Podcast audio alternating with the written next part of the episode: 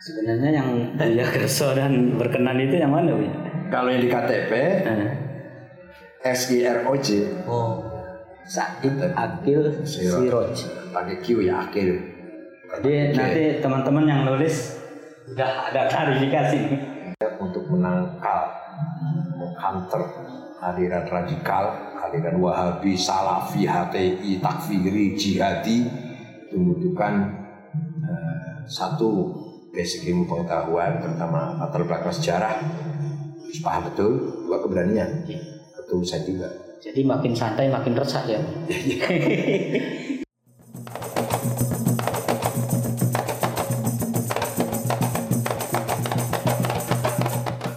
Assalamualaikum warahmatullahi wabarakatuh. Selamat datang di channel Sowan. Saluran yang akan membawa sahabat semua untuk berkunjung ke rumah kiai, masyayikh, tokoh pesantren dan ulama untuk mendapatkan keberkahan dan pencerahan. Dan keberkahan nyata hari ini adalah untuk edisi perdana Soan. Alhamdulillah kita diberi kesempatan untuk Soan ke Romo Abuya Profesor Dr. Kiai Haji Said. Kita tahu beliau adalah Ketua Umum Pengurus Besar Nahdlatul Ulama PBNU sekaligus pengasuh Pondok Pesantren Luhur Asakofah Jakarta. Eh, sebelum kita lanjut maju-maju lebih dalam, silakan subscribe, like, komen agar kita bisa terus bersama-sama soal ke tokoh-tokoh yang lain. Assalamualaikum Bu ya. Waalaikumsalam warahmatullahi Ngapunten ganggu gitu. Eh, ketika kita searching di internet nih ya, cari data di internet, kita menemukan nama Buya itu beragam. Ada Said Agil Siraj, ejaannya nih. Ada Said Agil Siraj, ada yang pakai G, Said Agil Siraj. Sebenarnya yang Buya Kerso dan berkenan itu yang mana Buya? Kalau yang di KTP Eh, SIROJ Oh, Said Agil Siraj. pakai Q ya akhir. Jadi nanti teman-teman yang nulis udah ada klarifikasi. Ngomong-ngomong internet Bu ya, belakangan Buya kan eh, getol mengimbau teman-teman muda NU agar mengambil pasar dakwah di medsos. Memang seperti apa sih medsos internet hari ini? Pertama berdasarkan Al-Quran sendiri, dakwah harus kontekstual. Artinya, ketika berada dakwah waliyun biru kaumahum, agar ulama itu memberikan nasihat, pengarahan pada eh, dakwah pada masyarakat dengan menggunakan kata kerja fil mudhari. Itu adalah bahasa Arab, kata kerja yang mengandung zaman sekarang dan akan datang. Itu artinya dakwah harus kontekstual, updated dan harus siap untuk menghadapi tantangan zaman akan datang. Nah sekarang ini kita memasuki era medsos, era yang sangat eh, menantang, yang sangat eh, ekstrim dalam arti cepat dan keras juga maka kita harus mampu mengisi. Kenapa? Karena di bidang agama yang paling mumpuni yang paling paham dengan benar fukoha tafakufitin adalah ulama-ulama nahdlatul ulama jadi medsos pun harus diisi oleh para ulama yang paham agama betul-betul. Jangan kita yang memahami agama dengan benar, dengan mumpuni, dengan sempurna lah, dengan ya, maksimal. Tapi yang ngisi medsos orang yang tidak paham agama, orang yang hanya minim pemahaman agamanya, bahkan kadang-kadang salah, keliru, kafar, kafir, kufran. Juga salah sekali. Kafir orang yang tidak beriman, kufar yang menyerang, itu kan salah sekali. Nah, ini ya, blundernya di sini. Yang menguasai medsos tidak menguasai agama, sedangkan kalangan kita, ulama-ulama pesantren, eh, menguasai agama kurang menguasai medsos. Oleh karena itu, saya menghimbau, saya ajak, saya dorong semua asatid, gus-gus yang muda-muda ini harus mampu menjadi narasumber. Jadi apa? Marja mengisi narasi literasi yang membanjiri medsos, YouTube dan lain sebagainya. Tapi kalau diukur dari eh, gelombang internet di Indonesia itu kan sekitar 2010 lah mulai. Sampai hari ini kira-kira perkembangan anak muda NU itu menunjukkan langkah optimis atau Sudah mulai lumayan, jelas Lumayan. sudah mulai banyak. Tapi terus terang masih jauh dari, dari yang kita harapkan, masih kedodoran. Oke. Sebenarnya jangankan kita NU, pemerintah pun, negara pun, Kementerian Kominfo pun kedodoran mengatasi atau me- meredam, mengarahkan perkembangan medsos yang sangat eh, liar ini. Sehingga konten-konten yang membahayakan selalu lolos atau selalu saja lepas, kecolongan. Walaupun pada akhirnya na- nanti Kominfo baru bertindak memblokir. Tapi kan setelah itu sudah tersebar dulu. Oleh karena itu eh, sangat-sangat bahaya kalau bangsa ini hanya diisi, terutama yang muda ya, Oke. hanya diisi dengan semangat tam, tapi tanpa didukung dengan budaya. Semangat yang bersifat emosional, hamasah bahasa Arabnya, untuk membela Islam misalkan, itu bagus, bagus, tapi tidak boleh meninggalkan budaya, tidak boleh meninggalkan akhlak. Penting sekali. Kalau semangatnya didahulukan, akhlaknya di, di nomor dua kan, yang terjadi malah saling membenci, saling curiga, saling fitnah. Contoh Afghanistan, Oke. 100% Muslim, 99% Sunni Hanafi madhabnya, 1% Syiah. Begitu melawan Soviet, bersatu mereka, Soviet bersatu. Begitu Soviet meninggalkan Afghanistan, mereka pecah. Kenapa pecah? Karena belum negara ini belum bersatu, belum kuat, sudah bicara hal-hal yang bersifat furu'iyah, syariah, dasar negara Islam, sudah begitu. Akhirnya perang saudara sudah 40 tahun. Ketika ada tamu Taliban 11 orang ke PBNU atas pengarahan dari Pak Wapres Pak Yusuf Kala agar mampir ke PBNU, saya katakan kami di sini masalah syariah bicara syariah, bicara dakwah, bicara Islam setelah Indonesia kuat dulu. Contoh, ketika sidang BPU PKI tanggal 18 Agustus ada piagam Jakarta tujuh kata itu dengan berkewajiban mengamalkan menjalankan syariat Islam. Nah, para tokoh dari Indonesia Timur yang non Muslim keberatan dengan itu. Nanti jadi negara Islam ini jadinya. Maka Kiai Wahid Hashim, bapaknya Gus Dur sebagai anggota PUPKI, pulang ke Tebuireng. Lapor kepada bapaknya, ayahandanya, Kiai Hashim Asy'ari. Gimana Pak pendapat Bapak ini?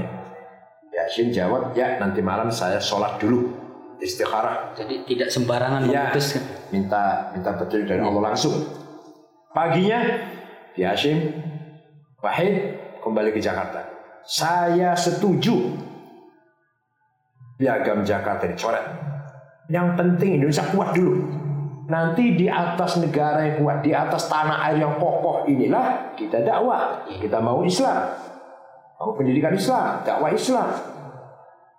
Kalau belum kuat kemudian sudah bicara syariat Islam, perang dulu itu seperti di Afghanistan. Itu saya sampaikan pada Taliban itu.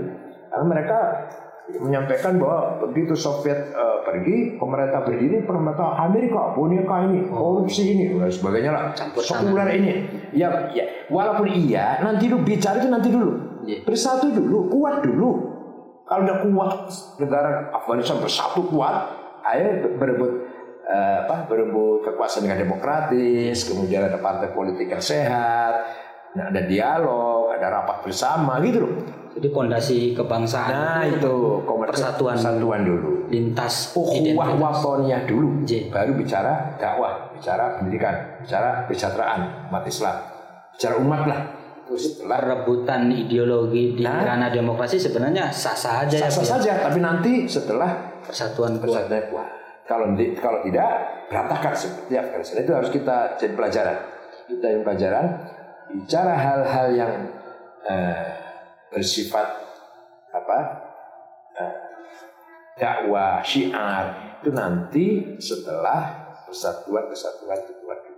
Dan posisi Indonesia masih di tahap harus menjaga kuat persatuan itu. Masih walaupun kita jauh lebih dari Afghanistan dong, kita sudah sepakat. Negara ini dibangun dengan kesepakatan. kesepakatan antara ulama, nasionalis, ulamanya juga Muhammadiyah, NU, syariat Islam, semualah. Bahwa kita ini bukan negara agama, Identitas, bahasa identitas. Arabnya, bahasa Arab Darussalam. Nah, soal kembali ke soal internet bu ya. Ya. Eh, ada satu amatan kan gini. Itu yang berisik di internet itu kan kelompok kecil sebenarnya. Nah, Buya termasuk orang yang percaya bahwa kejadian di internet itu linear dengan dunia nyata atau sebenarnya sih biasa-biasa aja. Yang kita khawatirkan itu anak-anak muda yang masih blank, Oh, yang tidak kuat basic eh, budayanya. Kan kadang-kadang eh, mencari identitas, masih bah al bahth aliddat mencari identitas siapa saya ini. Coba-coba buka internet. Eh, jumpa dengan aliran radikal, jumpa aliran yang ya, liberal. Itu mah masing-masing aliran tertarik radikal, ada yang tertarik liberal. Jadi pengaruh itu tetap ada ke dunia nyata. Ya. Nah, kita makanya saya atau kita yang mengajak kembali ke Islam Nusantara, Islam beradab berbudaya. Terutama eh, bangsa Indonesia yang sudah berislam, tapi tidak meninggalkan budayanya. Agama kita dari Arab, sholat kita bahasa Arab, Quran bahasa Arab, Nabi kita bangsa Arab atau orang Arab, ulama-ulama kita pun dari Arab, tapi budaya kita lebih mulia daripada budayanya orang Arab. Kita lebih santun, lebih ramah, lebih berakhlak. Eh, penjelasan tentang Islam Nusantara ini kan sebenarnya udah terang benderang nih Bu ya. Faktor ini tetap menjadi kontroversi apa kira-kira? Ya karena satu ada yang tidak paham, kalau sudah saya jelaskan langsung menerima. Iya. Ada yang tidak mau paham. Ya kalau nggak mau paham sulit dong. Tidak paham dengan tidak mau paham. Ya, ya. Itu lebih sulit yang tidak mau Tidak paham. mau paham. Di luar negeri kita mendapatkan respon yang sangat positif. Maroko saya diundang suruh menjelaskan Islam Nusantara di Al Azhar walaupun yang kita ceramain masih Indonesia tapi beberapa tokoh Al Azhar dekan dekan jurusan bahasa Arab dan wakil saya mendengarkan di Jepang, Korea Selatan, eh, Taiwan, Hong Kong, di Cina, Beijing, Xinjiang, Guangzhou, saya muter-muter kita bicara Islam Nusantara. Di Jepang begitu saya ceramah Islam Nusantara selesai 14 orang masuk Islam. Di Hong Kong dua orang masuk Islam. Jadi mereka sebelumnya sudah mengantongi pengetahuan tentang Islam, Islam, tapi ya. belum selembut Ya, ya. Islam Nusantara. Nah, Malah mereka eh, terkesan Islam itu radikal. oh, Islam itu garis miring teroris. dalam rekaman Ya, mereka. ya. Nah, eh, PBNU dan tentu Buya itu jadi rujukan orang-orang luar negeri yang ingin belajar Islam secara lebih terang itu seperti apa. Tapi di sisi itu kan eh, santri kita juga banyak yang belajar ke luar Ya. negeri. Pesan Buya Ya. apa nih? Termasuk Asakova kemarin memberangkatkan Ya. berapa santri? Eh, 13. 13 ke Maroko, Ke Maroko, ya. dan Mesir. Ya, Pesan untuk teman-teman yang belajar di luar negeri Bu ya. saya sendiri dan lain-lain seperti Pak Kores Shihab atau Gus Dur atau Gus Mus kita mencari ilmu ke Timur Tengah karena memang kalau kita paham agama Islam mau tidak mau harus belajar di Mesir, Al Azhar, di Maroko, Madinah, Mekah, iya. Tapi ingat kepulangan kita dari sana yang kita bawa hanya ilmu, jangan budaya. Begitu pula yang belajar di Barat, Oh. Amerika Eropa, pulang jangan bawa budaya Barat. Mentang-mentang sarjana Barat nenteng-nenteng whisky misalkan, atau ciuman di sambil di tengah jalan, ya ya itu nggak boleh. Ilmu saja yang diambil dari Amerika atau dari Eropa. Pulang budaya kita lebih mulia, lebih santun, terhormat. Karena ideologi agama kita sudah ada bangunannya, tapi kalau budaya pasti kontradiktif tuh. Ya, gini, budaya macam-macam ya, ada yang konektif, ada yang tidak. Tapi kita punya budaya yang lebih unggul dari mereka. Seperti contoh, anak muda hormat orang tua, hormat Iya. ayah, yang muda hormat guru, hormat murid, hormat guru, itu sudah membudaya. Betapa jeleknya kalau ada anak melawan orang tua, yang muda melawan orang tua, murid melawan guru, itu masih sangat-sangat jelek, sangat-sangat tabu di kita ini. Walaupun di luar orang santri lah, orang semua masyarakat menganggap ah, orang tuh kurang ajar kalau anak muda lawan orang tua. Tapi di barat tidak, di Arab tidak. Dari Biasa. segi sapaan aja Nah, di iya. sana tidak berlaku ya Bu ya. Malah eh, anak itu biasa lewat depan orang tua tanpa tanpa hormat, tanpa kita segan sekali depan ayah itu. Permisi betul lah lewat depan. depan kiai depan orang tua bersih betul kita ya. Buya pernah belajar di luar negeri. Terus teman-teman muda sekarang NU belajar di tantangannya beda nggak Buya dan lebih berat mana kira-kira zaman Buya sama ya belum sekarang loh Hmm. dulu saya belum ada YouTube belum ada Iya. iPhone belum ada jadi eh, kita betul-betul hanya belajar hanya belajar ya sekali-kali hiburan jalan-jalan Kalau dulu ruang konsentrasinya mungkin lebih besar ya. Iya iya Kalau sekarang tantangannya Iya. karena gampang keganggu. lagi anu guru-gurunya juga guru besar saya itu betul-betul ulama besar Syekh Profesor Dr. Sulaiman Dunia Profesor Abdul Aziz Ubaid Barakat Duwaidar Abdul Mun'im Syekh Abu Abu Najah Kamal Abu Najah Dr. Muhammad Khofaji itu ulama betul di Mesir ini ulama besar dan ngajar di Mekah di Mekah kalau sekarang rupanya sudah sudah mulai turun yang dosen-dosennya kualitas Nama besar itu Ya. udah ada. Nah Buya eh, orang belajar ke luar negeri tanda kutip hijrah. Tren orang-orang perkotaan dari yang begajulan kemudian mengatakan hijrah. Sekarang satu Muharram hijrah. Hijrah di mata Buya itu seperti apa sih definisinya? Kalau kata Siti Aisyah, la hijrata ba'dal yaum. Tidak hijrah setelah Fatu Makkah. Setelah Fatu Makkah sudah ada hijrah. Genuinitas hijrah aja hanya ada pada Sebelum Fatu Makkah malah. Oh, sebelum. sebelum Fatu Makkah, orang-orang hijrah ke kota Madinah, Iya. membawa iman, menyelamatkan imannya lah, lari dari eh, penindasan orang musyrik. Nah, setelah Fatu Makkah sudah damai semuanya. Aisyah mengatakan sudah nggak ada hijrah sekarang sudah nggak perlu datang ke Madinah. Itu sejarahnya seperti itu. Nah boleh-boleh saja hijrah kita kita ah, kita beri arti lebih lebih umum yaitu kita pindah dari kebodohan menuju eh, peradaban, pindah dari kemiskinan menuju kesejahteraan, pindah dari kesesatan menuju hidayah, boleh. Tapi saya tidak setuju, tidak sependapat kalau hijrah itu kemudian mengarah kepada ekstremisme radikalisme. Atau bila tidak eksklusifisme jumud. Iya, menganggap atau mereka paling sekedar- benar yang lain yang lain salah. Hanya kena label. sekedar gaya hidup gaya hidup label formalitas. Coba bayangkan. Di Quran tidak ada terminologi umat Islam. Ayo saya baca Quran. Oh. tidak ada umat Islamiyah. Nggak ada di Quran. Yang ada umatan wasaton silakan baca Quran atau umatan lafal lafal muslim itu Arabiyah. beda pengertian Apa? lafal lafal muslim muslim Enggak bisa kata umatan Islamiyah itu enggak ada. Jeng, jeng, jeng. Yang ada umatan wasaton. Jeng. Apa artinya? Ada Quran menekankan kualitas substansif yaitu kemampuan peran pada wasaton tuh wasatiyah kan ya mod- moderasi lah. bergeneng Ya, posisi ya itu bukan tengah. hanya label, bukan hanya simbol, bukan hanya nama. Maka Nabi Muhammad pun selalu membangun apa kualitas, bukan hanya nama. Negara namanya Madinah, bukan negara Islam. Iya. Tidak pernah Nabi Muhammad mengatakan negara Islam. Negara Madinah yang masyarakatnya beriman, berbudaya, ber- berakhlak, bertakwa, dan sejahtera. jadi hijrah itu bukan tampilan ya? Bukan tampilan. tampilan bolehlah diperbaiki tapi tidak yang penting tidak mengaku lebih benar dari Nah, yang lain gitu ya Saya hormati, saya menghormati orang yang misalkan katakanlah pakai gamis, saya hormat. Ayah saya aja pakai gamis kok kalau sholat Jumat. Tapi jangan kalau udah pakai gamis merasa lebih hebat daripada pakai celana batik. jadi soleh Nah, lebih soleh. Silahkan saja. Ada orang nggak merokok, itu bagus. Tapi jangan sekali-kali nggak merokok itu lebih dekat dengan Allah daripada yang merokok. Bukan bukan ukuran, sama sekali bukan ukuran.